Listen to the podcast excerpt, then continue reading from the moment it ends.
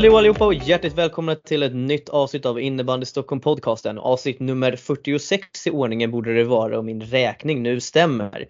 Eh, tyvärr så blev det ju inget onsdagsavsnitt men den här veckan bjuder vi på ett fredagsavsnitt med en eh, väldigt eh, fin gäst får vi ändå ta och säga utifrån eh, den utmärkelsen som den här eh, ledaren fick i slutet av säsongen. Och eh, det är ju ingen idé att vi håller på att linda in det här i något mer utan vi hälsar eh, årets tränare i damernas SSL, Andreas Berglind, hjärtligt välkommen till Innebandy Stockholm podcasten. Hallå Andreas och hur är läget med dig? Tjena! Eh, jo men det är bra, det är jättebra med mig. Eh, hur är det med dig? Jo då, det är bra. Eh, solen skiner ute. Ja, nu har det kommit lite moln här på himlen också men eh, efter att, i och med att man har jobbat med vintersäsong på jobbet så kan jag säga att allting som har med sol, värme, vår gör att man mår jättebra just nu kan jag säga. Helt enkelt. Ja. Jag är trött på vinter. Ingen mer snö nu. Nu du är ensam. jag kan tänka mig. Eh, blir det någon innebandy här nu då? Eller kanske lira lite själv eller är det total paus just nu? Jag skulle börja, eller behöva, lira lite själv och gå ner på pannor på denna kropp. Eh, nej, men det är, ja kanske lite med gamla rävar, gamla gubbar. Annars är det mycket paddel. Eh, är padel en riktig sport? Ja, men jag tycker det. Man kanske säger så i min ålder. Man är helt slut efter. Eh, kanske yngre ungdomarna kanske inte håller med, men eh, jo, men det är det. När vi lirar, det är ju, är gamla, gamla rävar från Ja, det är ju från allt från udden och alla, alla de här gamla rävarna som kör onsdagspadel då som Matte Forslund drar igång.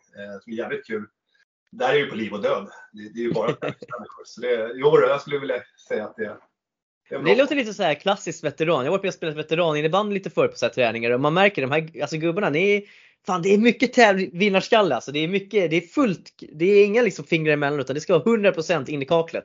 Inga konstigheter. Jo men så är det. Sen är vi uppväxta kanske med det också, att det var mycket mer på den tiden också.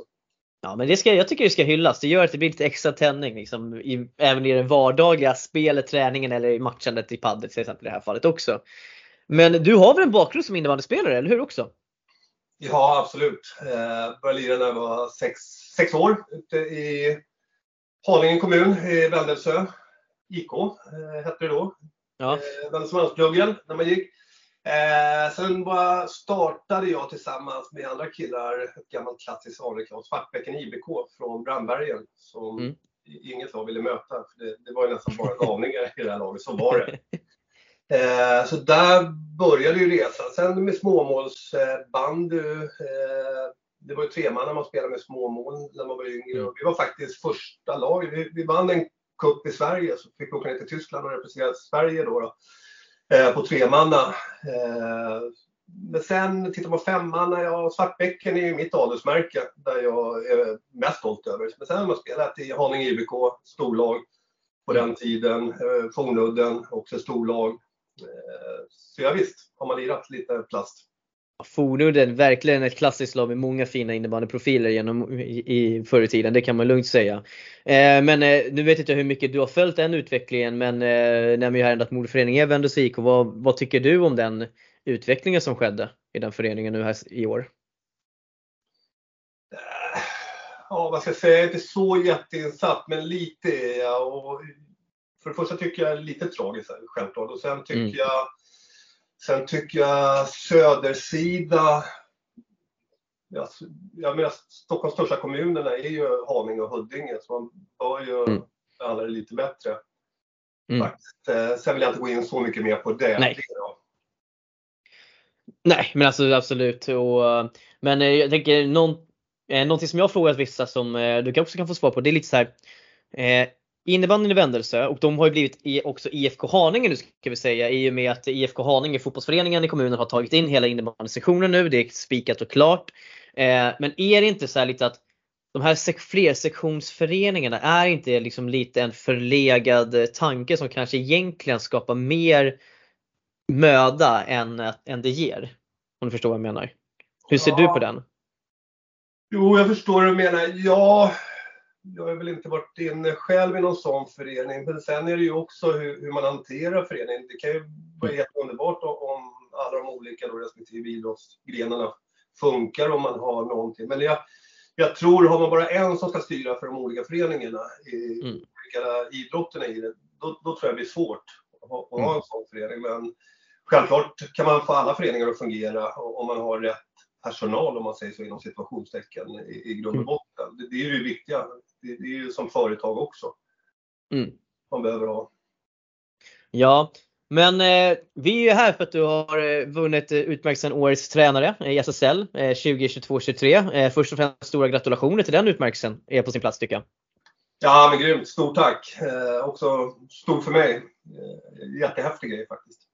Ja, och jag tänker vi kommer komma mer in på det där äh, lite framlängdes i, avsnittet. Men vi kan väl börja lite. Du har ju varit ledare väldigt, väldigt länge. Vi pratade här om att du har en lång bakgrund som innebandyspelare.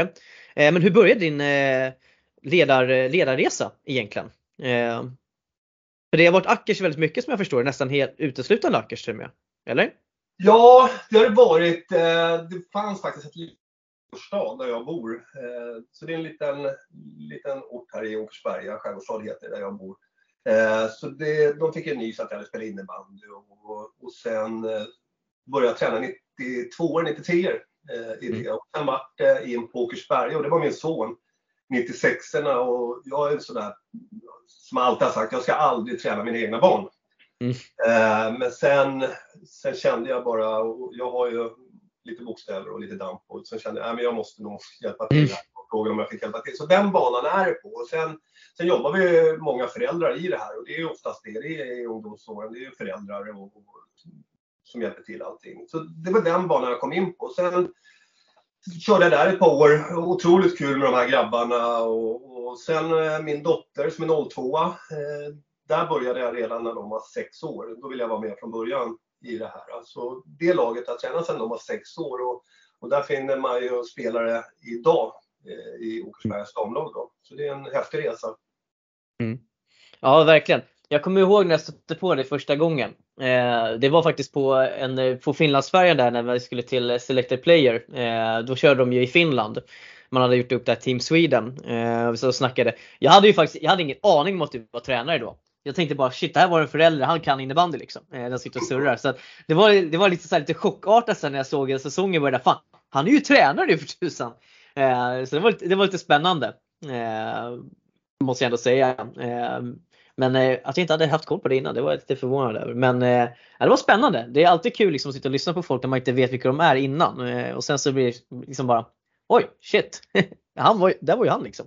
Ja, det var en skön båtresa. Ja, lugnt. Alltså det, det var roliga resor. Jag tror jag var med två gånger i alla fall på de där. Och det, eh, det, var, det är häftigt eh, faktiskt ändå. Det måste man ändå säga. Ja. Eh, för jag vet att din, din dotter var med då, vet jag i alla fall. Eh, Hon eh, var med då. Eh, det året fick ju alla svenska lagen eh, storstryk. Mm. Finland kom ju med i princip redan landslag nästan. Precis, jag kommer ihåg det. Ja, nej, så hon var med och sen, sen började, fortsatte jag mycket med 02 eh, hela vägen. Mm. var det DJ, JAS. Eh, parallellt med 02 tog jag över damlaget när de låg i division 2 då. Mm. Eh, så jag körde de här lagen parallellt. Eh, var med hela resan, förde upp damlaget dit de är idag. Mm. Eh, och 02 DJ, JAS har ju gått väldigt bra för oss också. Eh, tyvärr kom ju corona covid-tiden när, när vi kvalificerade oss till innebandyfesten. Mm. DJ18 där med fyra lag och DJ17, det laget vi hade, mm. nu säger jag det också som kanske inte är så jättepartiskt, men, men det laget vi hade då, det, det var nog Sveriges bästa. Eh, vi, vi satt på många duktiga stadslagstjejer. Vi hade en, ja, precis nästan halva 02 stadslaget. Vi hade 03 som var duktiga stadslagstjejer, 04 som vi ser då också duktiga. Mm. Så vi hade ett fruktansvärt bra lag. Mm. Ja, men jag kommer ihåg det. Jag kommer ihåg den säsongen. Eh, många lyfte er som en fin favorit som faktiskt skulle bryta Rigs vinnartrend som har fortsatt då, då den säsongen. Men, så det var ju extremt tråkigt där att den avbröts på grund av pandemin för jag tror att ni hade kunnat uträtta Eh, men jag tror ni absolut hade kunnat hota Riga. Ni hade ett jättebra lag på pappret eh, det året. Och, ja, det, hade, det hade vi faktiskt gjort. Jag tror personligen att Lund hade varit eh, om man tittar DI17-klassen, DI18 mm. så var ju RIG, men tittar man på DI17 så tappade de lite 02 under säsongen, RIG. Mm. Så där var de inte lika starka som i DI18. Mm. Ja, det, för det där är ju intressant för att då på den, där, det var ju innan de Svenska innebandyförbundet gjorde, gjorde om eh, upplägget för JASen för tjejerna också för att då var det ju DJ18 och DJ17. Eh, mm. För killarna hade ju bara HJ17 va? Om jag inte missminner mig. Då måste det ha varit nästan. Eh, ja, undrar om inte de hade två men att de fick spela, killarna fick ju spela, jag vet att 02 våra sista år, då var det 02 medan killarna fick, 02 fick spela ett år till då killarna. Precis. Jag tyckte var lite märkligt. Och generellt sett så tycker jag också märkligt att tjejerna ska spela 2 gånger 20 minuter eh, som det var då under innebandytestet mm. medan killar ska spela 3 gånger 20 ja. Jag förstår inte det resonemanget faktiskt. Eh, Nej, det där, det där är ju alltid konstigt. Det där, det där har ju varit en följetong genom många år varför eh, det ska vara mindre. Det är samma sak, den finns ju redan idag också på SSL. Varför spelar eh, damerna bara två bästa fem och herrarna bästa sju till exempel? Ja. Också så här ologiskt. Eh, men i alla fall, du sa ju där att du eh, efter de där D17 så tog du, du tog ju även över damlaget där och vad var det som fick eh, vad var det som fick dig att kliva på damlaget vid den tidpunkten där när de låg i division 2? Jag tycker eh, om spännande uppgifter. Sen eh, Sen tycker jag också, tittar man på 02 i det stadiet 02 var då, då var det inte så mycket taktiska detaljer. Visst att man smög in lite saker, men sen kände jag personligen att jag ville jobba också med taktiska detaljer. Då var, då var det damlaget där man kunde jobba mer med de detaljerna. Så, eh, så det var mycket därför. Eh, sen var det ett skönt gäng. Mm. Eh, och det gick ju som sagt väldigt bra med damlaget. Eh, och innan vi går in på dem så tänkte jag bara, ni, eh, när den här pandemisäsongen blev inställd så vet jag ju att ni gjorde ju, skapade en kupp. Eh, jag tror att, eh, ja men det, det var väl New Body Floorball Cup eller hur, visst var det något sånt den hette? eller hur? Det Jimmy eh, hette den först och sen var det ja, precis. samma cup. Eh, där ni bjöd in de, de lagen som skulle ha gått, som hade varit klara för playoff tror jag att det var, eller hur? Eh, eller dylikt, till den kuppen och eh, hade den som en, ja men lite som ett, som ett eller vad ska man säga, eh, ersättning, ersättning för eh, innebandyfesten om jag inte missminner mig, eller hur? Visst var det så? Ja, det stämmer. Jag eh, bråkade mycket med förbundet innan eh, varför damerna inte fick spela kontra att herrarna fick spela allsvenskan.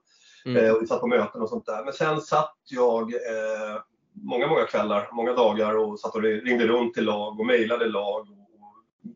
Frågade om de fanns intresse att ha en sån här cup. Mm. Och det var ett jättestort intresse till det och sen blev det så stort så tog jag hjälp eh, från eh, en herre i Täby då. Så mm. körde vi tillsammans det här sen. Ja men precis och det var ju, jag kommer ju ihåg, jag såg en del matcher där första året, det var ju riktigt bra innebandy också många gånger.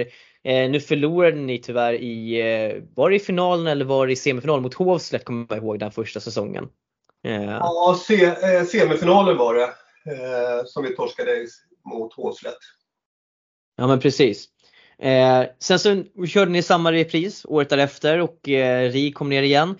Men jag tänker att eh, det år som var nu så känns det som att kuppen blev någonting annat den här. Det var inte kanske riktigt samma sak att det var de här hetaste lagen som kom men eh, utan det är kanske som att det utvecklades att man öppnade upp för fler lag att anmäla sig och komma och spela. Men hur, hur skulle du säga att kuppens utveckling har sett ut? Liksom, är det fortfarande samma syfte eller har det ändrats? Nej, det är samma syfte. Sen har du rätt i att om man tittar, ja, om man ska säga ranking på lagen då, om man ska uttrycka mm. så, så var det väl eh, mindre bra rankingslag om man säger så. Det, mm. Den, den, här eh, säsongen som var kontra hur det var i början. Även om vi hade storlag med som RIG och mm. så det var, topparna fanns ju där. Men om man tittar mm. på bredden neråt, där hade vi innan hela bredden neråt i bara, mm. bara topplag. Och så var det ju inte senast. Men våra intentioner inför kommande ska ju vara detsamma. Det är topplagen mm. som ska hit och spela och möta varandra och, och tiden ligger rätt för de här lagen och, och, och möta och, och mäta sig med de bästa. Mm. Ja, men du har ju varit cupgeneral för det här, kommer du fortsätta med den eh, rollen nu trots att du inte ska vara tränare ledare? Ja, men absolut, eh, det kommer jag. Jag gillar, jag gillar kupper. Alltid mm. Jag älskar att åka också med lag och jag har haft kupper innan eh, med, med grabbarna när jag hade det. Så skapade jag också egna, en sån här kupp där de bästa i Sverige kom. Och mm. Precis. Precis, och någonstans tycker jag att det känns som att den här kuppen ändå har blivit liksom någon form av avstamp nu att säsongen är på väg att börja. För att det är många som pratar om den och det eh, använder den som måttstock inför kommande säsong. Speciellt Stockholmslagen tycker jag ändå att det är väldigt mycket eh, diskussioner kring kuppen och de resultaten som finns där. Det är någonting som du också har känt av att den har blivit liksom som ett, eh, som ett tydligt tecken på att säsongen, den är här nu liksom. Ja men så är det.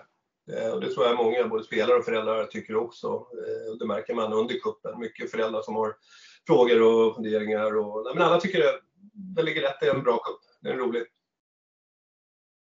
Ja, men verkligen. Eh, så det ska, det ska bli jätteintressant att se när den drar igång här i, i september blir eller augusti till och med den börjar i?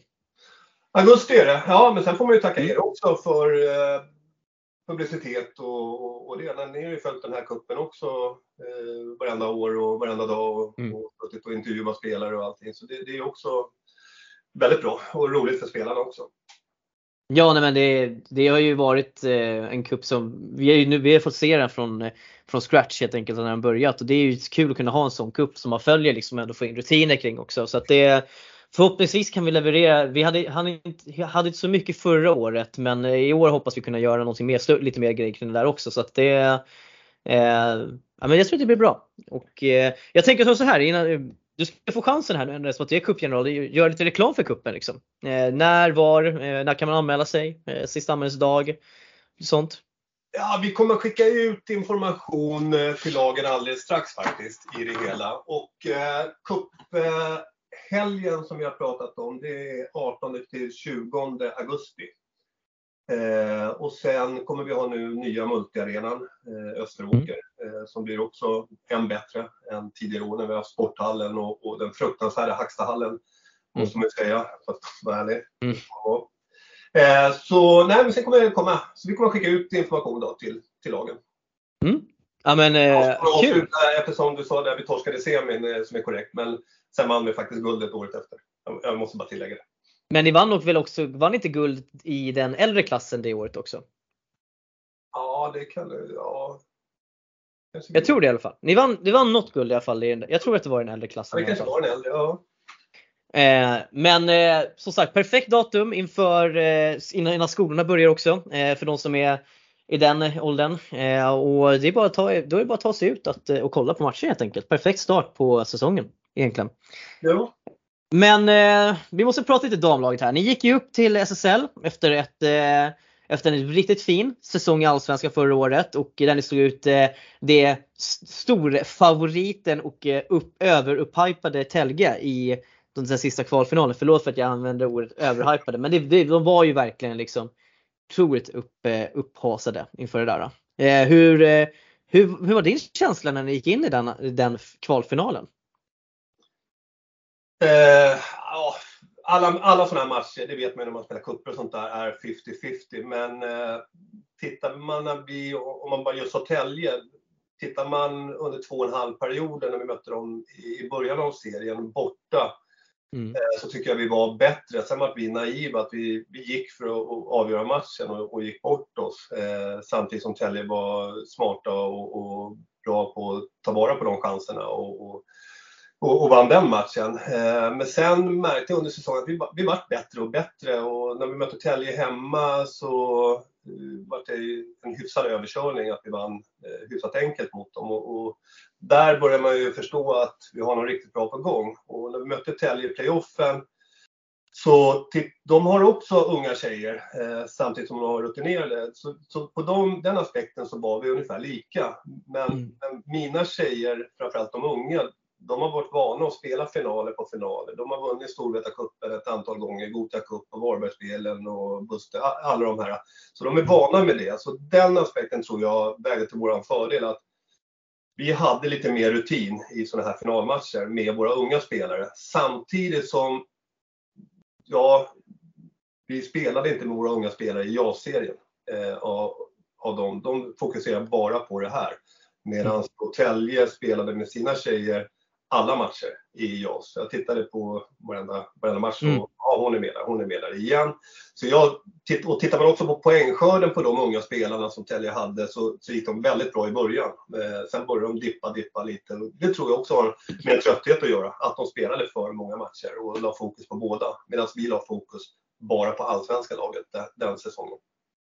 Det här är ju jätte, det här är jätteintressant tycker jag, det som du säger här nu. För att Eh, jag har ju drivit en tes. Om jag tittar till exempel på, vi drar parallellen till Hammarby, eh, deras killag i år.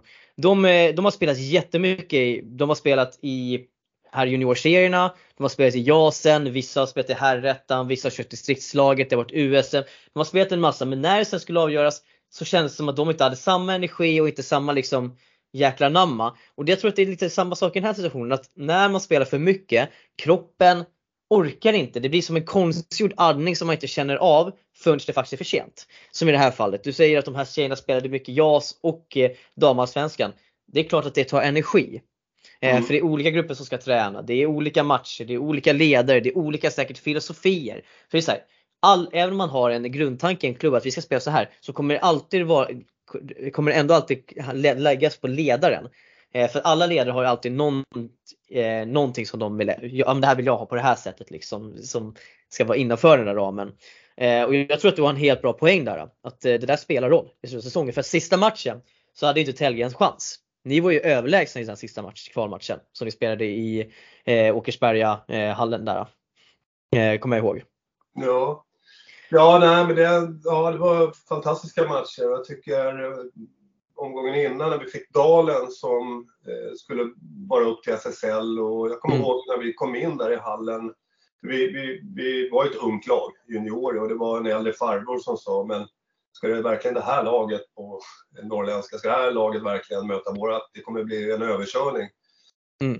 Han och sen går vi därifrån och har vunnit matchen med 7-2 eller sånt där.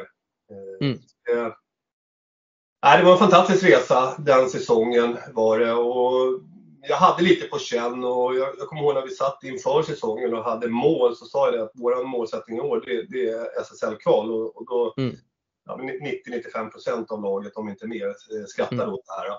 Mm. Eh, men tittar man året innan, året innan så eh, lämnade en spelare och då lämnade sportchefen också. Då, då, då fick jag ta över det och, och den säsongen den var lite turbulent. Eh, laget mm. låg näst sist eh, och, och, juniorerna körde med bara DJ och JAS. Men sen var vi tvungna då Ja, sen fick jag hoppa in och ta över det här mm. när han lämnade som sportchef det året. Och sen gick det ju jäkligt bra för att juniorerna var så jäkla duktiga. Så jag hade lite på känn att det här mm. är ett jäkligt bra lag och det är jäkligt duktiga tjejer. Mm. Eh, så jag deklarerade också innan till föreningen att målsättningen är SSL-kval. Eh, så att ni måste vara förberedda på det. Mm. Eh, och mycket riktigt så, så gick laget hela vägen. Eh, ja, och ni leddes utav en eh, första kedja om jag inte missminner mig nu.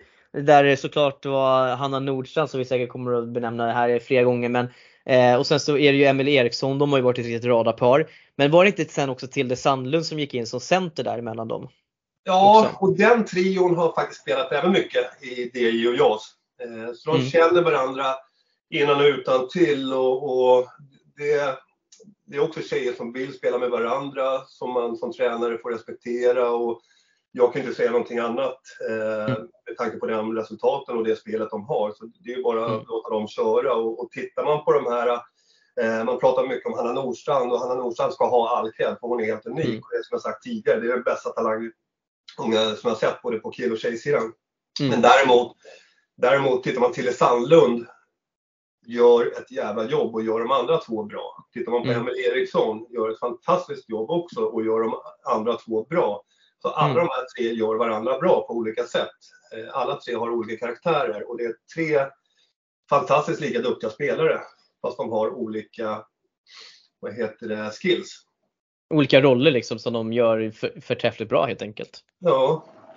Eh, ja, och jag tänker innan vi går vidare liksom på säsongsuppehållet. Jag tänker att Eh, någonting som var uppe för diskussion ganska mycket förra säsongen det var ju vad som hände där med juniorlaget. Ni juniorlaget skulle spela playoff eh, mot PL tror jag att det var eh, i, i, till JAS för att gå dit. Men man lämnade walkover. Eh, vad var det som hände där egentligen och hur, har det, hur tror du att det påverkade juniorsidan?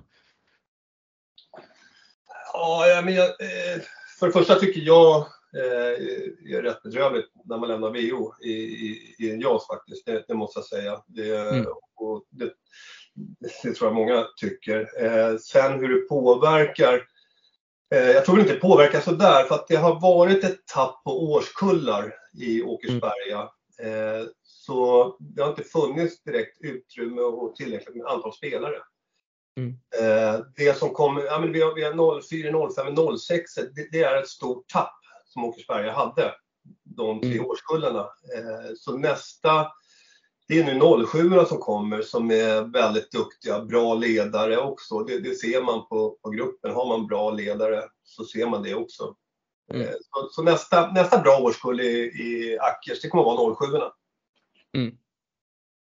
Men då kände, så att det, det, man kände då från Åkersberga, som sagt jag vet inte hur mycket insyn du hade i det beslutet men det var att man kände att man inte hade nivån, egentligen tillräckligt med spelare för att kunna konkurrera mot Bele som det var i den playoff-matchen då helt enkelt. Om jag har förstått det rätt. Ja. Och sen att man, fokuserade, att man fokuserade såklart på eh, kvalet upp till SSL, för det nämnde du ju tidigare också. Ja, nej jag hade inget eh, beslut i det hela alls. Eh, att de lämnade VO. Jag, personligen tycker man ska aldrig lämna VO. Eh, det, det, det, går att spela hur som haver. Man, man mm. lyfter upp ännu yngre och spela av matchen. Mm. Ställa slag på planen. Ja, och det är väl en kostnad som kommer till det där också. Eh, jag tänker att lämna VO. Ja. Om jag inte missminner mig. Ja, visst är det så. Den är ändå en liten del i det hela kan jag tycka. Jag, jag tycker att man lämnar aldrig VO om, man inte absolut behöver och det tror jag kanske man inte hade behövt göra i det här fallet heller. Nej, och det, sen, men kanske det värsta med det där är att det spär på så här saker. Det ger en bild av att saker kanske inte står rätt till. Till exempel att det är någonting konstigt. För VO är ju inte så jättevanligt. Speciellt inte i det där forumet och den, i den typen av match så är det ju väldigt ovanligt. Eh, och det gör ju liksom att det folk funderar, folk spekulerar och liksom och det skadar ju kanske eh, det skadar nog kanske Åkersberga mest i det här fallet om du förstår vad jag menar. Mm. Eh, för ja, folk blir ju fundersamma. Ja, nej, jag förstår helt. Men eh, nog om det. Vi ska prata lite eh, 2022-2023, SSL. Ni gick upp. Eh, vad kände du liksom var, vad var det tydligaste som ni hade identifierat att ni behövde förstärka inför SSL-äventyret? Ni hade en jättefin första kedja som ni i princip höll intakt säsongen som var nu. Fram då till Tilde Sandlunds tragiska korsbandsskada där. Men eh, hur, eh, hur gick tankarna inför säsongen? Nej, men jag kände väl att vi behöver bli starkare på alla punkter. Eh, man kan börja högst uppifrån egentligen som förening. Det är ju fortfarande en juniorförening och det, det har man ju sett mm. klart och tydligt eh, nu. Mm. Eh, att det är då, att vi inte har haft den organisationen. Tittar man runt omkring, jag menar med lägenheter till tjejer jag värvat in, det är jag som har målat och, och arbeten, bilar och sånt där.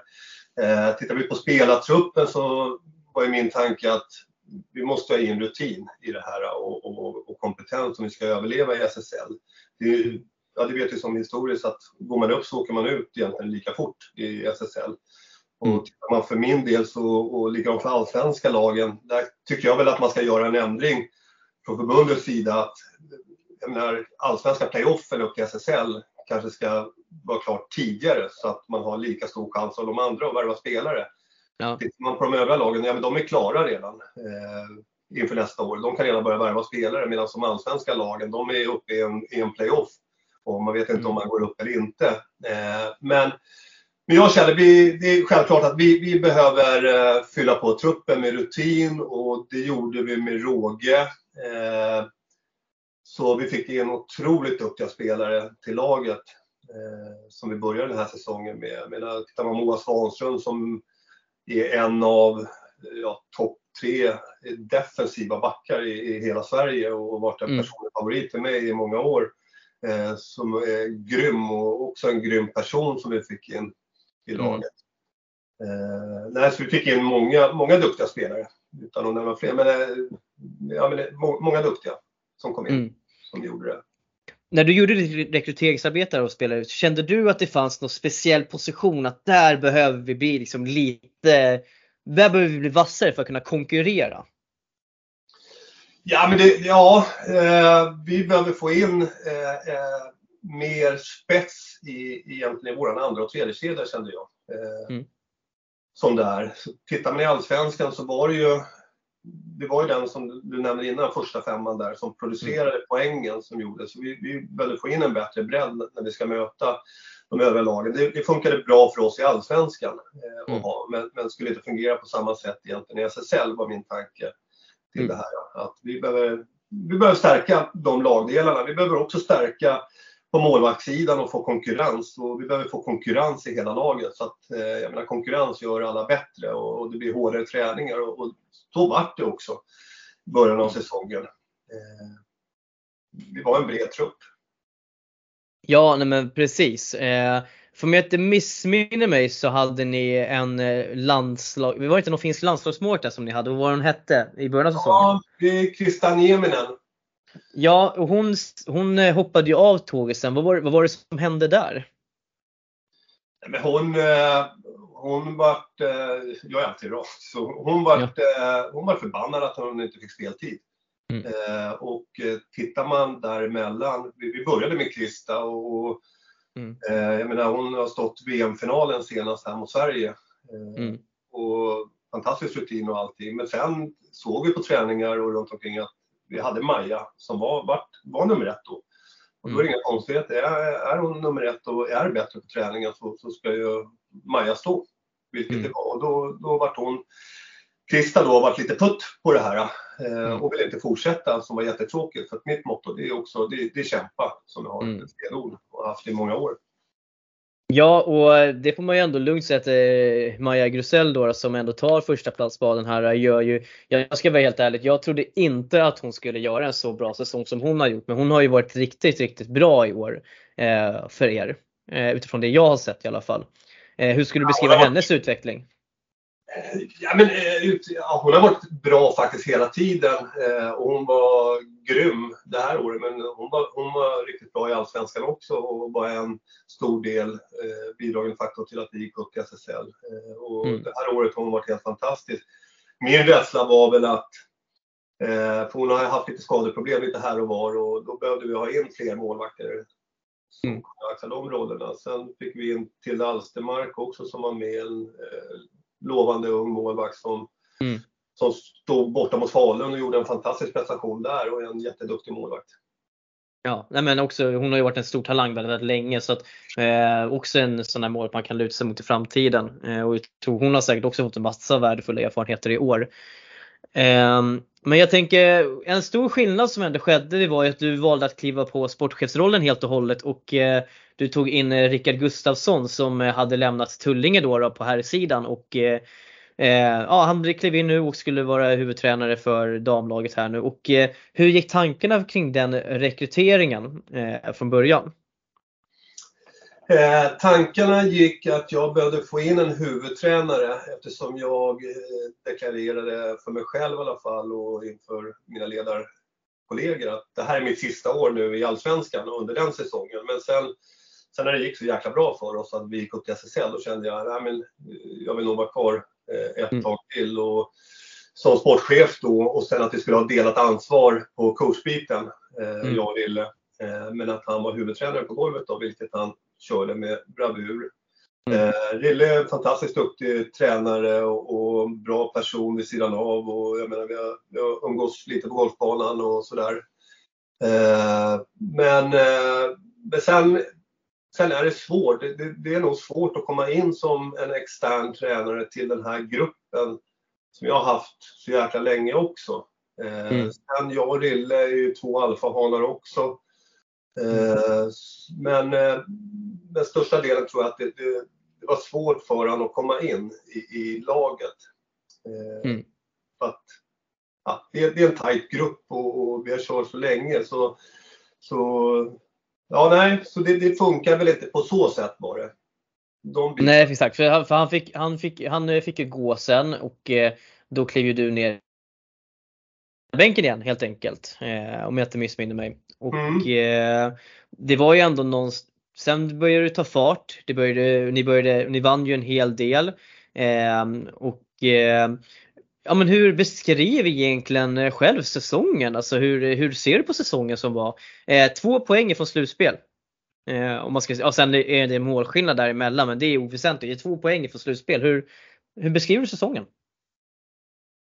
Ja, men en otrolig säsong. Som du säger, det var turbulent i början. Vi började med att förlora fem raka matcher som inte ger det bästa självförtroende, även om vi visste och hade deklarerat att vi kommer förlora mer än vad vi kommer vinna. Eh, mm. Laget i sig är vana att vinna och vinna och vinna eh, genom egentligen varje år, många år eh, bakåt i tiden. Men eh, men sen, sen som du säger, sen, sen började vi vinna. Första matchen mot Malmö var ju helt fantastiskt och där kände vi att kan vi slå Malmö så kan vi nog slå många lag i den här serien och vilket vi gjorde mm. också. Eh, så ja, nej, men vad ska jag säga? Det är mer än att det är fantastiskt. Som du säger, två poäng. Eh, jag tror också att hade inte det, det här turbulenten eh, med mig framförallt, eh, eller med mig, ja det själva grejen. Eh, mm. I slutet där, om jag hade varit kvar och, hade, och inte den här grejen hade hänt, då tror jag att vi hade vunnit mot Karlstad hemma också. Då hade vi haft tre poäng och laget mm. hade gått till slutspel. Eh, sen hade vi inte mm. haft någonting att hämta för att troligtvis hade Thorengruppen valt oss och då hade det blivit tre raka matcher. Om vi ska vara ärliga. Eh, de är så pass mycket bättre. Eh, men annars, eh, fantastisk säsong. Eh, vi slår väldigt, väldigt många lag. Eh, vi gör det jäkligt bra. Eh, tjejerna krigar på. Vi, vi har i princip två femmer som, som eh, skulle spela 0-0. Vi är mm. glada om de spelar 0-1, 0-2 och sen skulle vi ha då våran, våran lina som producerar poängen. Och så var det ju match efter match efter match. Mm. Ja, och du fick ju som sagt utmärkelsen här som årets tränare och det som jag är väldigt intresserad av att höra är hur, hur mycket tid utanför träningsplanen la du i år eh, på förberedelser och dylikt? För som jag, vad jag har kunnat läsa mig till så har du varit väldigt eh, framträdande när det gäller att, eh, att med videoanalyser eh, bland annat och eh, alltså titta på lag vad deras styrkor och svagheter är. Ja, eh, jag lägger jättemycket tid och ja, timmar jag, inför en vecka, vi säger att vi ska möta Malmö hemma.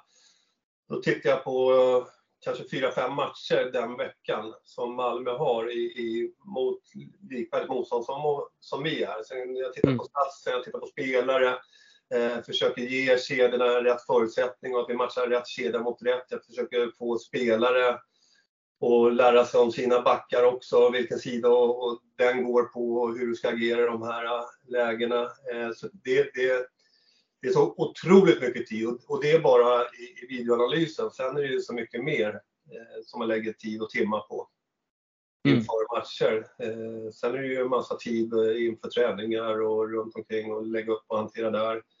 Så det, det är mycket tid. Tittar man på sportchefsjobbet så tar det tid där också och man är ju lite halvmaterialare också. Man åker och hämtar lite blad och bilder och tjejerna och dojor och fram och tillbaka. Så det, det är en otrolig tid och det, det måste man göra, framförallt vi som nykomlingar och, och det laget vi hade. Så, så behövs det. Vi, vi, hade ju oturen att tappa väldigt många spelare på grund av ledband och korsband och allt möjligt eh, under den här mm. säsongen. Eh, psykisk ohälsa och, och, annat som spökade. Så tittar man på träningar i slutet av säsongen, vi var ju nere på 12-13. Eh, mm. Vi fick ta bort eh, måndagsträningen och bara träna två dagar i veckan lägga fokus där. Så det är, nej, men tid, jag lägger eh, fruktansvärt mycket tid. Eh, sen har jag en bra fru också. Hon tycker det är väl skönt, slipper hon se mig. Ja, ja, det är ju det det handlar om, eller hur? Som slipper se dig. Det är det som är viktigt. Ja, men exakt. Hon är superglad. Det är som helger. Man går upp på en lördag, tar en öl och, och tittar på, på matcher här uppe på kontoret. Och ja, men precis. skriver ner analyser och grejer. Ja, Eh, Eh, men jag tänkte, jag, jag har ju kollat lite liksom igenom er säsong och jag skulle säga att det finns ett, en ganska tydlig nyckel eh, ehm, tidpunkt för er eh, den här säsongen. Och eh, det är ju faktiskt en match som jag faktiskt var ärad att få titta på. Det var när ni mötte Kalmarsund hemma i eh, Österåker där.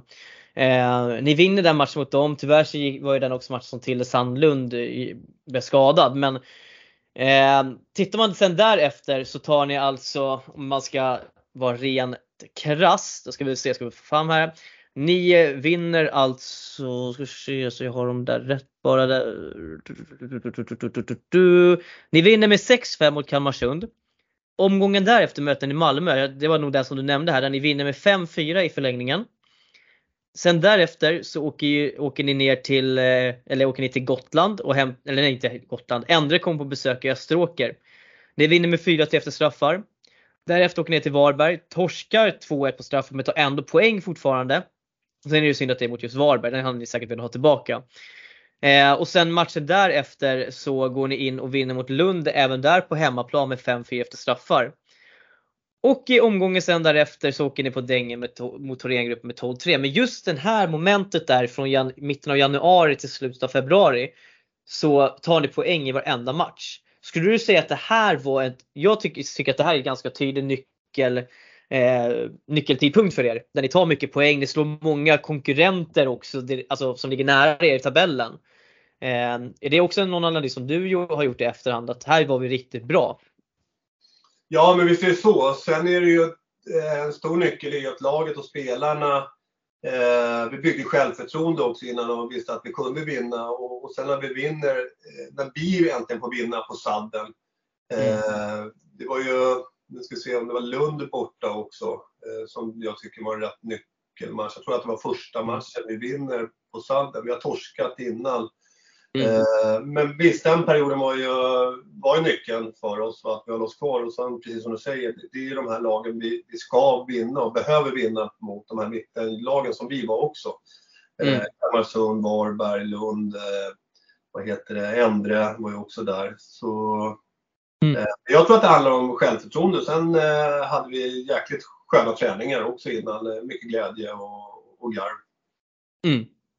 Ja men verkligen. Eh, och eh, som sagt, det är, jätte, det är ju bara en del utav den här fina säsongen som ni ändå har haft. Ni tar ju ändå i slutändan eh, ganska fina siffror ändå. Alltså ni tar ändå sju segrar och ni vinner tre eh, i efter förläng, förlängning eller straffar och torskar tre utav dem också. Vilket innebär att ni ändå tar poäng i lite drygt 13 matcher av 26. Det är alltså ändå i 50% av matcherna tar ni poäng som nykomling. Tycker jag ändå är ett väldigt starkt facit. Ja, jag tycker det är faktiskt, eh, ursäkta om jag svär, men jävligt starkt eh, av laget att göra det. Eh, så de har gjort en fantastisk resa. Mm. Grymt rakt igenom. Men jag tänker, vi måste ju klart fråga om Hanna Nordstrand här. Hon slår alltså Eh, eller tanje, jag vet inte om hon slog eller om hon bara tangerade, eller bara och bara, men Anna Viks rekord där eh, den här säsongen. Men eh, jag tänker skytteligamässigt, alltså målmässigt har vi någonsin sett en en, eh, är det någon som ens kan mäktas komma nära antalet mål som 18-åring i SSL första säsongen? 33 mål gör hon alltså. Mm. Nej, det tror jag kommer att dröja faktiskt. Men det är som många vet och som jag har sagt tidigt stadie att det är, det är den bästa talang jag har sett. Och, alltså gå in, gå in som, som 18-åring, eh, man är fortfarande en junis i, i mina ögon. Eh, och mäkta med i SSL och göra poäng i princip varje match. Tittar man första, som var nära där också, men första matchen Täby hemma inför fullsatt och allting. Eh, det var inte, det var, vi var inte ens på planen då. Sen match efter match efter match och göra poäng, det, det är ju helt unikt.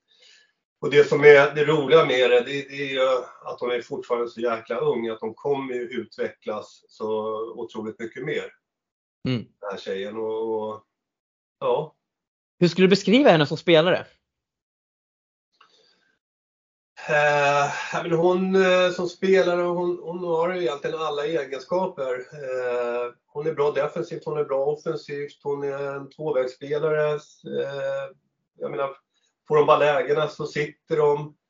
Det, mm. tittar man på träningen när jag säger att vi ska skjuta låga skott, det, det, det är få som kan skjuta låga skott. Eh, Hanna Nordstrand sätter alla låga skott skjut vänster lågt, skjut höger lågt, hon, hon grejar det. Mm. Eh, men jag tycker också en stor egenskap som hon har också, det, det är hennes fysiska. Man tycker hon är en tanig jävel som springer runt på plan, men hon är ju stenhård i kroppen mm. också och går in i duellerna och, och har det pannbenet också och huvudet som, som en ung spelare. Eh, mm. och, och tittar man, men inför säsongen så visste alla att Hanna Nordstrand, ja, det är henne vi ska ta i Åkersberga. Mm. Eh, det är väl ungefär så mycket kanske lagen scoutade mot oss. Annars säger ja, men vi tar nog tre poäng mot Ackers. Men ja. vi måste nog hålla. Och, och, den växer ju bara match efter match efter match. Men, mm. men ändå så gör den här tjejen poäng efter poäng efter poäng i varje match. Mm. Nej men det, det, känns som att hon är, hon är också, alltså jag förstår precis vad du menar. Det känns som att hon också är eh, jag hade ju faktiskt den stora förundringen att få ha henne i Stockholms distriktslag där och där kunde man ju se liksom precis som du säger den här, den här fysiska, det fysiska spel som hon har. Alltså hon räds ju ingenting. Hon går ju in i duellen och man märkte ju där att hon hade haft jättemycket erfarenhet av seniorinnebandy för hon var ju otroligt tuff i sitt duellspel. Men någonting som jag alltid har slagits utav det är ändå att hon är ganska eh, ändå ganska ödmjuk på spelet. som kanske inte heller vill ta jättemycket mycket plats rent utåt om man säger så. Eh, varför, till exempel, hon vill ju aldrig ta en straff till exempel. Nej, nej. Det, jag, jag säger, jag brukar kalla ett uttryck till henne, men det eh, Nej, men, det, ja, men nu tror jag hon ska göra det. Jag, jag har alltid kallat löja, typ att nu får du köra det här. Så garvar mm. Men, men nu, nu, eh, nu har hon vuxit på sig mognat eh, med det, ja. så det skulle hon göra alla dagar i veckan nu. Eh, men, men tittar man egenskaper också som hon har. Hon är som, hon, hon är som jag och många andra sådana här, men hon hatar att förlora. Mm. Så det tycker jag är en, en jäkligt, det är nästan den bästa egenskapen. Hon har en sån jävla drivkraft att vilja vinna eh, även de här 50-50 duellerna på planen, vinna matcher och, och, jag menar vi har tjafsat många gånger fram och tillbaka och, och, och har den eh, dialogen mellan varandra eh, som är med respekt alltså mot varandra. Men, men det är ju bara för att hon har en sån jävla tävlingsskalle. Eh, och det mm. tycker jag är en unik egenskap och det, det, måste man ha. Det är väl därför hon lyckas också. Har man inte den skallen så når man inte de höjderna som hon har gjort. Så mm. är det bara. Ja men precis. Och jag tänker innan vi lämnar Hanna Nordstrand eh, och fokuserar på andra saker. Men eh, hur tror du att det kommer gå för henne i Täby? Eh, ja, eftersom hon är den personen hon är och, och vill också utvecklas själv. Eh, sen är ju, eh, det visar de ju i tabellen också nu och, innan, att Täby är ett ett, egentligen ett bättre lag om man får spela med en bättre omgivning, så är det. Och tittar man på de nyförvärven som eh, sportchefen Robin har gjort i Täby, det, det, det är fantastiska spelare han mm. har fått in. Så jag tror att det laget kan gå faktiskt hela vägen till Globen. Mm. Eh, så pass bra är de och, och tittar man just på Hanna, på din fråga, ja, Tänker hon inte så mycket och bara kör sitt eget spel så kommer hon göra lika mycket poäng där. Eh, men eh, det handlar ju också om att inte tänka så mycket. Ja men precis. Att bara gå in och köra sitt, sitt eget spel bara. Ja, eh, men eh, om vi går tillbaka till dig då. Eh, årets tränare fick du. Eh, och hur var, hur var känslan när du fick reda på att du skulle vinna priset? Eh, självklart blir man ju jättestolt eh, och faktiskt jäkligt rörd vart jag när jag fick det priset. Mm. Eh, så det var superkul eh, med tanke på det, som hände innan eh, som är, är, ju helt sjukt egentligen. Men mm. så vart det här priset än större mm. För mig. Så det, sen, jag menar, årets tränare i SSL som är vald av SSL innebandy Magget och spelare och tränare runt. Det är jättestort att få det priset. Ja verkligen och eh, jag vet att Figge eh, fick, eller Fredrik Olsson fick ju det här när Nacka gick till slutspel tror jag om det var förra året eller om det var för, förra året. Eller om det var första säsongen. Han har fått, var den senaste Stockholmstränaren i alla fall som fick det. Eh, mm. men desto mer imponerande att gå in och få det som nykomling. men med det, utifrån tabelläget och allt det som man ser så är det ju, är det ingen snack. Kan jag tycka så. Och, men vad skulle du säga att om du får beskriva, hur skulle du beskriva dig själv som ledare? Alltså, vad är din styrka? Eh, jag har också en jäkla drivkraft och jag vill mer och kanske ibland lite för mycket mer än vad laget eh, vill. Eh, men jag, jag, tittar också, och det, det har jag sagt som sen tjejerna var små, att, att, man måste ta hänsyn till varandra. Alla, alla mm. människor är olika och, och, det måste man bara respektera. Och det är där jag försöker hitta en balans mellan de som kanske inte vill lika mycket som de vill, som vill här uppe. Mm. Eh, sen är det självklart att man får ju aldrig 100% nöjda i ett lag. Det finns alltid någon, någon, som inte får lika mycket speltid i gnäll och tittar man uppe på toppen, eh, ja men de vill trycka på ännu hårdare och då säger jag, men mm. kan inte göra det för då får man inte med hela laget. Sen styrkan i mig eh, är väl också att titta vad laget behöver, träna efter laget. Det finns så många mm. tränare som, åh nu ska jag göra en fancy övning här och titta sånt. Men mm. då tittar man bara kanske för sig själv och inte vad laget behöver. Mm. sen tycker jag att man ger dem tydliga redskap. Att, att de är förberedda och det, det vet jag själv. Har man möten med jobbet eller sånt där, jag presterar ju bättre om jag är förberedd och har en tydlig agenda. Och det är det mm. jag ger till spelarna, att försöka få dem så förberedda som möjligt mm. och ha det här. Eh, samtidigt så vet jag också att, eh, som vi skrattar åt, vi, vi är ett jäkligt bra lallande SSL-lag. Eh, mm. och, och, försöka bibehålla den, eh, den stämpeln också, att vi ska ha en glädje, vi ska ha jäkligt kul. Eh, sen har mm. vi tränat hårt, men kanske inte lika hårt som övriga SSL-lag. För, för gruppen och, och, hela gruppen, om man ska vara ärlig, har inte klarat det och har inte hanterat det heller. Men det är väl mina egenskaper att man får. Sen har jag, jag har varit med själv och lirat, eh, så man vet ju också eh, grunderna och vad, mm. vad man behöver. Eh, men, men tittar man självklart, det, självförtroende är också jäkligt viktigt som man har lärt sig genom åren. Jag var ju en betydligt hårdare tränare i junioråldern än vad jag är nu som man har lärt mm. sig. Mm. Jag var mer och hetsade och var mer sådär mot laget och tjejerna kontra vad jag är nu. Mm. Däremot mot domarna, eh, det kommer jag alltid ha. Men det är så jäkla, det är så jäkla många, eh, det är faktiskt många, jag träffade många på banketten på Globen också som sa Fan vi hade härliga duster, fan du måste köra vidare. Och, och mycket mail och sms även på Messenger från, från domare i SSL. Fan det var så kul och där och där när vi hetsade. Och, så de gillar ju det. Det är det som är skönt. De gillar ju den jargongen. De säger det själva. Fan, vi behöver ju också ha lite hets i matcherna. Jag tror aldrig att jag har sett dig inte vara lugn i en match. Jag tror, var alltid någon gång så kommer det någon så här, eh, hänga tvätt mot domarna eller, eller sånt där. Ja. Men, eh, ja, men du, du, är lite, du är lite profil ändå liksom, i den avseendet. Det måste man ändå ge dig. Jo, men eh. samtidigt.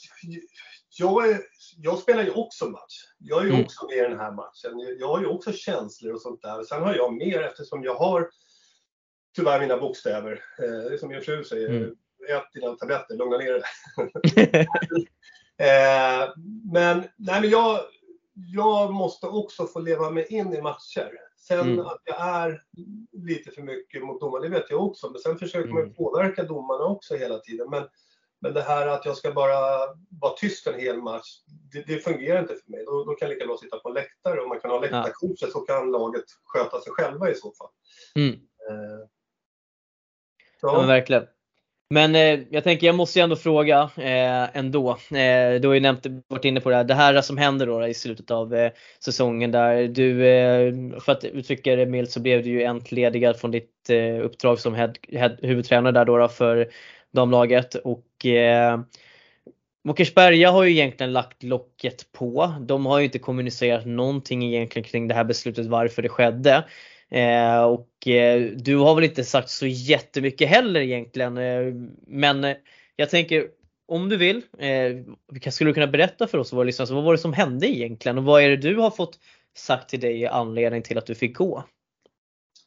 Eh, från början är allting så otroligt dåligt skött, eh, måste jag bara börja med. Eh, det, det jag fick till mig, jag fick ett mail eh, jag var i Danmark och jobbade, kom hem eh, på en onsdag kväll. Jag flög hem tidigare så jag skulle kunna vara med på D-matchen mot Täby. Borta då, dagen efter.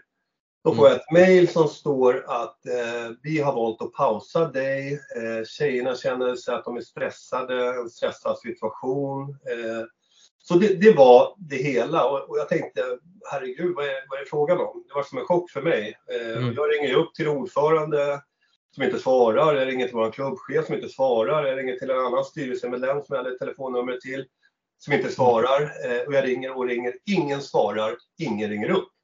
Mm. Eh, alltså det, det, är så jäkla märkligt. Eh, och sen då svarar jag på mejlet. Eh, Okej, okay, jag tycker det är märkligt. En stressad situation. Absolut är en stressad situation. Både för mig och spelarna. Alla matcher mm. är på liv och död. Som det är. Eh, men sen, sen eh, Eh, sen ringde jag en massa spelare i laget. Eh, vad är det som händer?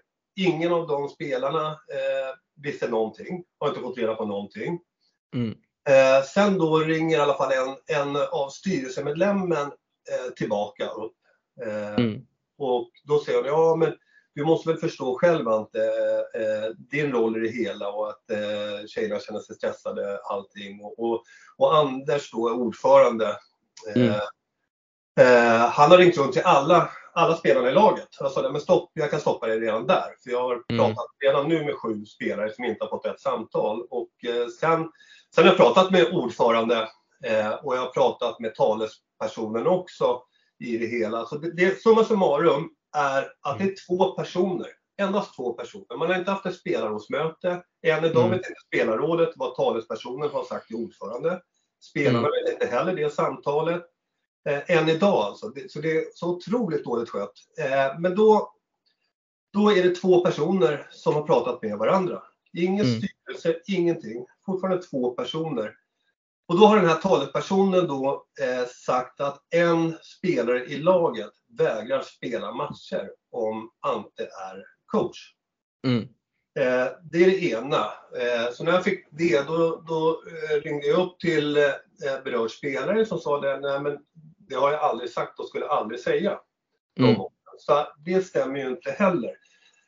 Eh, sen eh, så säger den här talespersonen för laget då att 4 till 5 spelarrådssamtal har man haft med mig också angående mm. de här bitarna. Och det stämmer inte heller. Vi har haft ett enda spelarrådssamtal under hela mm. säsongen.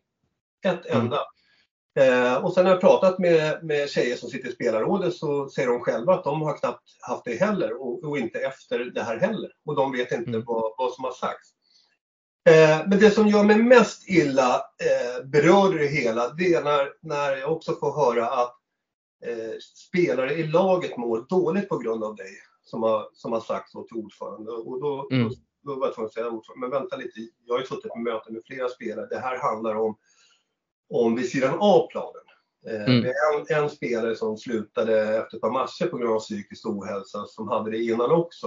Eh, mm. eh, Eh, sen vill jag inte gå in eh, på vilka spelare själv och vad, men det, det, vissa fall är det ju rätt illa. Eh, och det här är ju föräldrar som jag har känt sedan länge. Mm. Som jag fortfarande har kontakt med och pratar med mm. och, och, frågar också hur, hur är det med dottern och allting. Mm. Det gör mig jäkligt och det, det är så lågt eh, hur man kan säga sådana saker eh, för att bli av med mig. Eh, för det är den mm. stora bilden som jag har i det hela och, och också föräldrar runt om som jag pratat med som har samma bild om det här. Eh, att man vill bli av med mig eh, och nu har man ju fått sin egen organisation. Mm. Men hela det här hade kunnat undvikits om, om man hade haft ett stormöte bara. Så mm. övriga spelare, övriga ledare, allting hade fått eh, berätta sin syn på det hela. Och likadant, varför ringer man inte mig och hör eh, saker och ting? Eh, vi har en tränare, en ASS-tränare som jag måste också plussa som en stor del för att jag fick det här priset som eh, Robin mm. in i det här. Alltså, han var med mig och tog upp laget i Allsvenskan också. Mm. Han, eh, han har också ringt till, till styrelsens ordförande. Varför har ni inte ringt mig? Så att jag mm. kan förklara hur bilden är. Jag är med Ante hela tiden. Mm. Men man har inte gjort det. Så det, det, allting är så jäkla märkligt med det hela. Mm. Nej eh, men eh, det låter ju... Alltså... En sak också, för att jag mejlade tillbaka eh, eftersom de inte svarar. Eh, jag vet inte om det är feghet om man inte vågar ta det så, utan bara mejl. Eh, mm. Men att man har en ordförande som inte ens svarar i telefon eller, eller ringer tillbaka och, och frågar. Mm. Eh, det tycker jag är ytterst märkligt. Men att man lägger locket på. Jag sa det, ni måste mm. gå ut. Har jag tappat omklädningsrummet? Etc. Vad är det? Ni måste gå ut och säga varför, för att det skapar ju rykten. Och jag har ju väldigt många som kommer fram, jag träffar flera på Globen, jag har träffat innan, jag menar inte har, har du ofredat någon tjej i laget? Eh, du vet mm. sådana här rykten. Då, var man, då fick man en klump i magen. Vänta, är, det, är det så folk tänker? Har jag stulit mm. pengar? Har jag slagit någon? Etc. Det är sådana rykten det blir. Eh, mm. Ante har varit i föreningen 20 år, han får inte vara kvar när det är två omgångar kvar. Ja, men det måste ju ha hänt något jätteallvarligt. Ja, det är, för, det, för det är den bilden man kan få. Det är därav jag kände att jag behövde ställa frågan också för att eh, jag blir ju, blev ju fundersam också. Liksom. Men fan, två omgångar kvar, ni har fortfarande chans på slutspel. Eh, du får gå. Eh, och det är väl klart att man, man blir fundersam vad är som har hänt. Det är något gravallvarligt. Liksom. Så att, och det här är liksom så här att jag, jag tänker inte säga lägga Åkersberga under bussen och säga att de har gjort fel eller hit och dit. Men det enda jag kan säga är att i det här fallet så hade man nog ändå tjänat på att någonstans ändå ge liksom en anledning till men varför får du gå? För att det som har gjorts är att det har ju skapats, det kan man ju se liksom överallt, att det har ju skapats väldigt mycket spekulationer kring vad det här har inneburit. Och jag tänker att både för Åkersberga och framförallt dig så hade nog båda tjänat på att kanske Åkersberga också hade eh, lagt fram sin bild. Men att det här är anledningarna. Tänker jag. Eh, för alla ja absolut. Och det första mejlet jag får då, då står det också att jag har blivit pausad. Eh, mm. Och sen ska vi ta ett möte, kommande vecka vill vi gärna ha ett möte med dig inför kommande säsong. Då. Men då mm. när jag fick det här, ingen svarar, eh, ingen ringer tillbaka, då, då skrev jag bara ett mejl tillbaka att för mig finns det ingen fortsättning i Jackers. Jag vill inte träffa er på det här mötet. Jag har ingen anledning. Eh, och sen eh, sedermera, eh, jag som ordförande sa, ja men vi, mm. vi förstod att du hade sparkat dig själv när, när vi fick det mejlet. Eh, Okej. Okay. Mm. Ja. Ja, men som sagt, eh, det är ju tråkigt eh, men eh, det blir väl lite liksom revansch för dig någonstans när du fick det här priset också som du själv nämnde lite. Tänker jag. Ja absolut, visst är det det och, och revansch. Jag, jag ser ju också för att eh, men, det är så otroligt dåligt skött. Jag pratade med ordföranden och han säger ja men nu måste vi, proff, vi måste agera proffsigt framöver. Mm. jag kände så här, men det har inte fungerat proffsigt tidigare och på min sida mm. absolut. Eh, när Expressen vill göra intervjuer då ringer jag till ordföranden, jag ringer till styrelsen allting bara för att vara schysst. Mm. Nu ringer Expressen, vad vill ni att jag ska säga? Vad ska jag säga?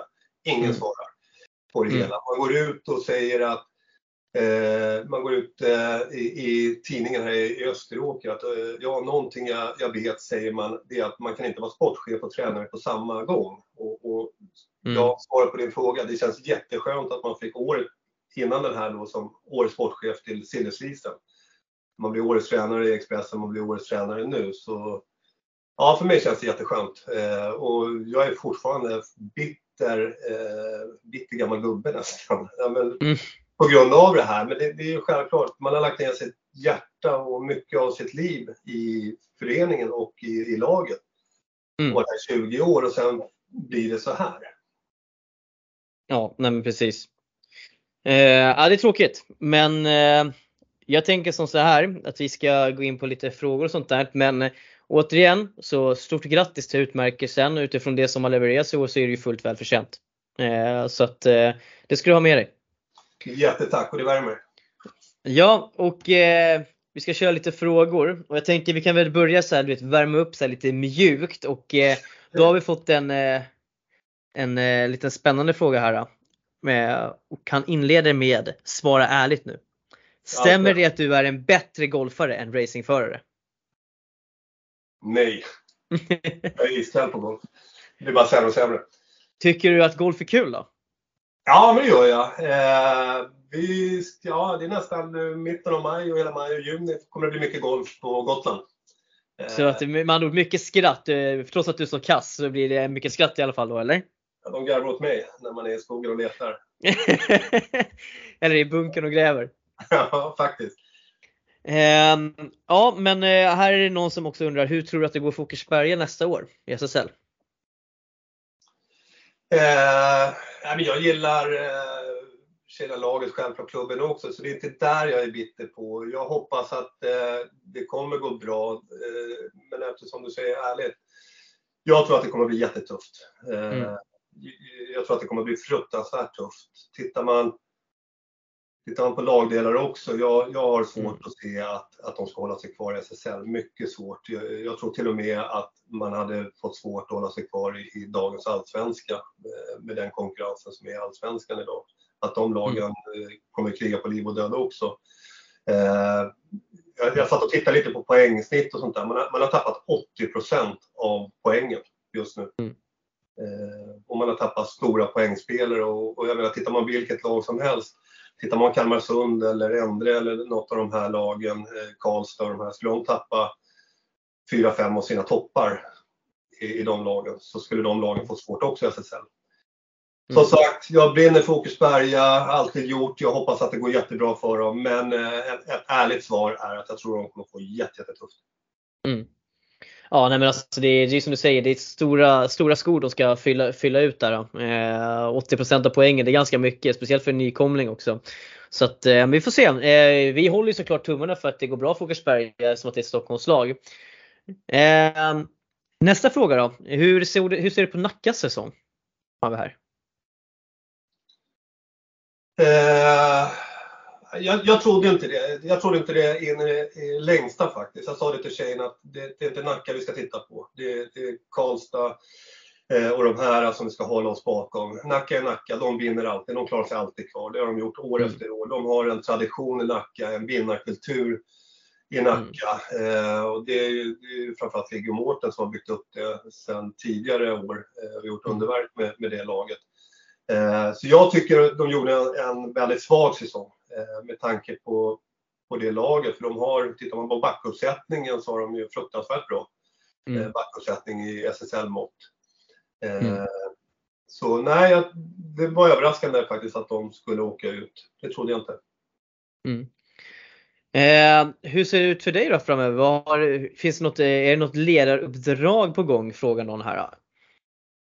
Ja, jag har fått eh, anbud självklart och inte minst nu då när man fick det här priset har man fått något till här och var. Men jag, jag deklarerade redan innan, eh, innan, innan jag fick det här Innan jag var pausad, så ungefär en och en halv månad innan så deklarerade jag att jag hoppar av som coach och tränare. Eh, och det hade jag gjort egentligen som jag berättat tidigare här i, mm. Eh, så ja, jag är rätt less just nu. Eh, sen vet jag hur jag är när säsongen börjar sen. Mm. Man blir sugen att hoppa på något, något lag här och var. Men, men just nu, eh, nej, eh, förbättra golfen. förbättra kroppen. det låter som en bra prioritering så slipper, ja. du, slipper, slipper, få ta, slipper du ta skiten där helt enkelt. Faktiskt. Eh, har du något eh, coachknep som du kan dela med dig av? Ja, coachknep och coachknep. Jag, jag ser matcher lite som schack fram och tillbaka och, och vad styrkan och svagheterna ligger i de olika zonerna och sånt där, vad man behöver förbättra. Och, eh, så jag ser det lite som en schack, ser det lite som tv-spel, eh, de här bitarna. Var styrkan ligger någonstans och vad man behöver, behöver förbättra svagheterna i de olika zonerna och sånt där. Sen, eh, ja, men sen att coacha krävs jäkligt mycket förberedelse, både för dig och för laget. Mm. Eh, vad lagets styrkor och svagheter är någonstans och vad man kan trycka på hårdare i, i, i sin coachning i det hela. Mm. Utöver Hanna Nordstrand, vilken spelare i Ackers tycker du tog mest, störst kliv? Eller alltså, hade väl, jag tror de är störst utveckling den här säsongen som var? Eh, ja, många har varit duktiga men jag tycker egentligen utan tvekan eh, Linnea Hjelm eh, har tagit eh, mest kliv. Eh, också en mogen spelare. Hon, eh, hon kom över till mig i, i DJ-laget och, och, det tidigare. Eh, sa inför den här säsongen att hon inte är mogen riktigt att spela SSL och vi satt i möte och då tänkte jag då föreslog jag Täby till henne, eh, också unga spelare eh, som ett lag där du kom in bra och i, i omklädningsrummet och utanför och sånt där. De har bra ledare och tränare med Figge och det här. Så hon gick dit på en dubbellicens i Täby, eh, kom tillbaka till oss, vart matchens lirare borta mot Lund, hennes första match. Och tagit otroliga kliv framåt. En fantastisk person också, både på plan och vid sidan av plan. Mm. Ödmjuk tjej som Eh, skulle väl behöva tuffa till sig lite grann och, och, gå lite mer rakare och vara lite mera, vad heter det, inte, inte så ödmjuk inför de andra spelarna. Utan gå lite mm. mer rakare själv. Eh, men eh, framförallt henne, hon, hon har tagit absolut störst kliv den här säsongen. Mm. Vilken match tyckte du till, hur ska man säga, vilken match tyckte du var bäst i år utav Åkersberga? Eh, bäst, ja bäst är ju väldigt mångfacetterat men eh, ja, vilken, vilken match känner du att här var ni topp det, här var er bästa match i år? Om vi säger så, så då. Oj. Eh, det finns två matcher framförallt. En, en är Thorengruppen hemma där vi gör en fantastisk insats och ligger bara under med 4-3 när det är tror jag, 3,5 minuter kvar av matchen där vi gör en fantastisk eh, defensiv prestation.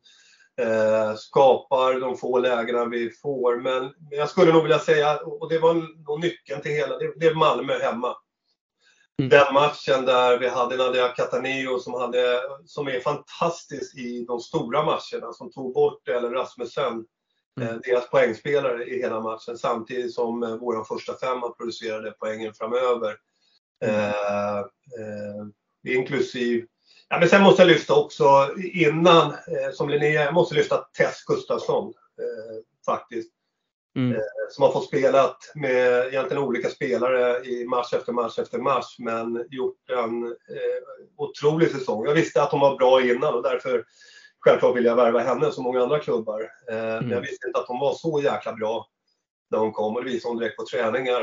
Eh, och tittar man hennes poängskörd i år, hon är, hon är topp i Sverige och, och mm. spelat i vårat lag som kom på nedre halvan i princip, de nykomlingar eh, och inte haft samma förutsättningar som många andra har, har haft eh, då hon har fått spela med många olika spelare. Framförallt så gick hon ju in och verkligen fyllde luckan efter Tilde Sandlund bredvid Nordstrand och Eriksson sen när hon blev skadad. Eh, så, och gjorde ett jättebra jobb mellan de två också och klev upp där. Ja absolut, ja, men fantastiskt. Och, och jag vet hur många eh, säkert säger om mig, jag är inte en kaxig och sånt där. Men när man mm. känner mig så är jag jävligt ödmjuk och hjälper alltid till och eh, sånt där. Det, det, tror jag man säger om Tess också. En jäkla kaxig diva men fantastiskt ödmjuk person. Eh, mm. är hon. Ja. Nej men eh, tycker ändå att du har gett eh, sken av det här också. Eh, jag, tycker, jag har inte så mycket mer frågor än så eftersom att det var ganska kort tid att hinna lägga in innan den här inspelningen. Men du ska få en sista fråga utav mig som alla får. Och, eh, eller jag ska faktiskt ge dig två frågor. Vi börjar med första. Om du får ranka dina topp 5 hallar i damernas SSL. Hur lägger du dem då? Mina topp 5? I damernas SSL. Hallar. Som det har varit. Hallar? Mm. Eller arenor eller vad man nu ska kalla det för. Ja, eh, nummer ett säger jag Maxi Arena, Visby. Mm. Eh, dels för atmosfären att komma dit men dels för den organisationen som jag tror är både bäst både på herr och damsidan. Mm. Eh, pratar och känner många där ledare och, och, de har 70 stycken volontärer som hjälper till till varje match. Så det kan inte bli annat än jävligt bra i den mm. hallen. Eh, man möter upp med storbilds-TV, det är storbilds-TV i omklädningsrummen och allting. Nej, men den, är, den är nummer ett för mig. Eh Nacka är ju fantastiskt. Nej, jag skojar. jag trodde nästan att du skulle börja där. ja. Nej, men sen, eh, sen tycker jag eh, eh K-Rauta tycker jag är bra. Eh, faktiskt när de har sittstolar och det. Eh, klubbrum och runt omkring. Eh, bra inramning, man sitter nära. Eh, tycker TGs, Thorengruppen, har också en bra arena eh, man måste ge. Eh, ska vi se mer. Lund är inte, inte Nacka, inte, inte Karlstad, inte Malmö. Fruktansvärt tråkiga. Varberg har också trevlig, trevlig arena. Mycket bra publik. Eh, Nord, tillsammans med äldre, nog den bästa publiken i Sverige. Eh, skulle jag säga. Eh, sen Ackers multiarena eh, är också bra. Bra publik också på matcherna. Eh, nackdelen, är, nackdelen med multiarenan eh, som publik är, att de inte har sittstolar. Det, det, ja. det tar bort jäkligt mycket. Bygger man en ny arena för så många miljoner så kunde man nog ha byggt sittstolar. Jag håller helt och hållet med. Det är jättefin arena. Jag gillar den väldigt mycket. Men just de där, de där, de där träbänkarna. Alltså det, de måste sluta bygga träbänkar alltså när det ska vara en arena som, när man, eller när man har satsat så mycket som du säger. Annars är det en jättefin hall.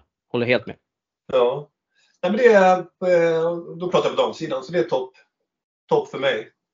Ja, nej men eh, helt, eh, tycker jag är riktigt bra. Hur kände du kring Pixbos nya arena då? Nej, eh, väldigt lite publik eh, långt från omklädningsrummet in till arenan och gå lite som Falun. Är det. Eh, nej, för den, nej, jag är, mm.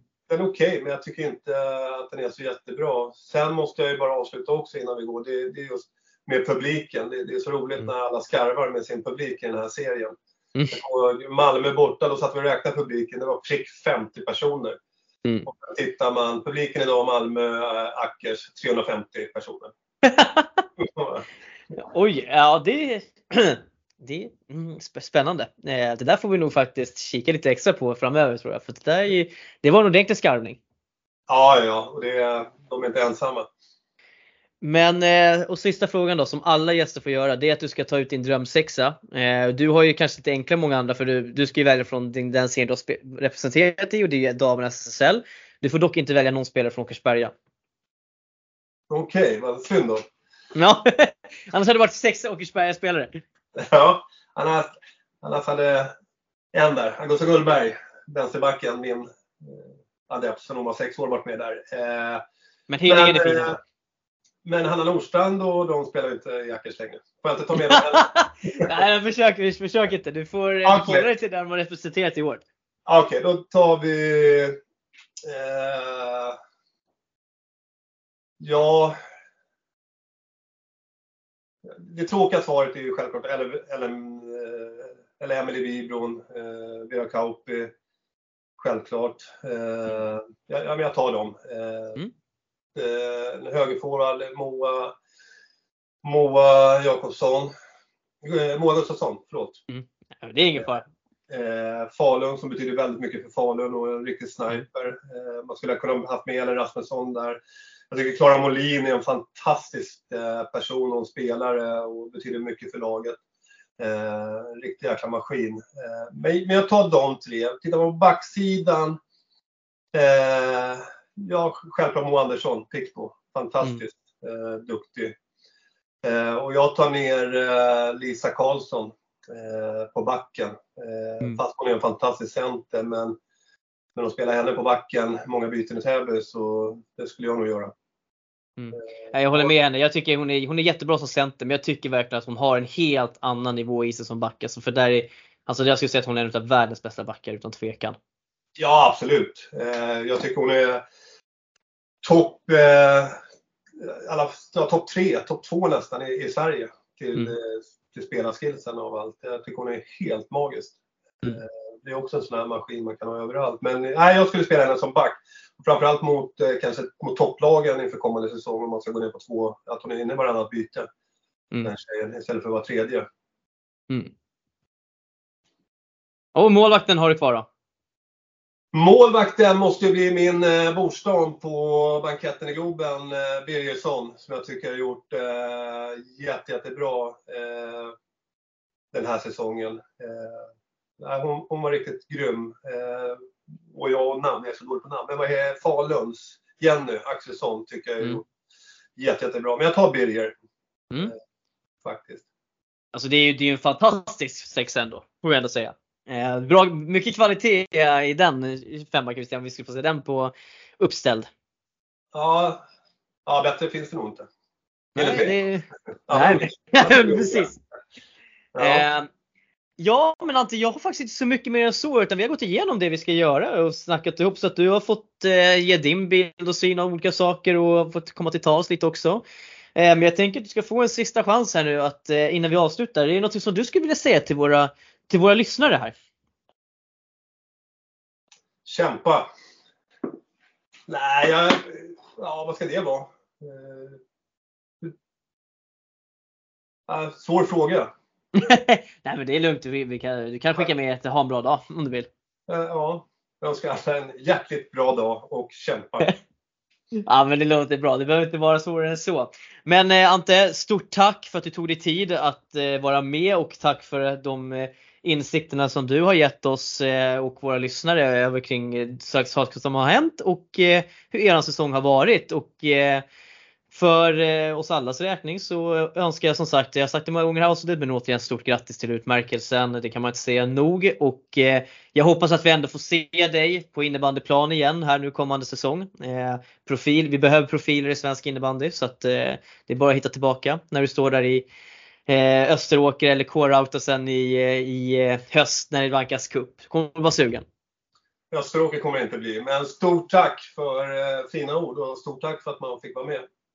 Det var, inga, det var inga konstigheter. Och till alla er lyssnare, tack för att ni har lyssnat och jag hoppas att ni hade en trevlig lyssning och har en fortsatt trevlig dag. Hej då!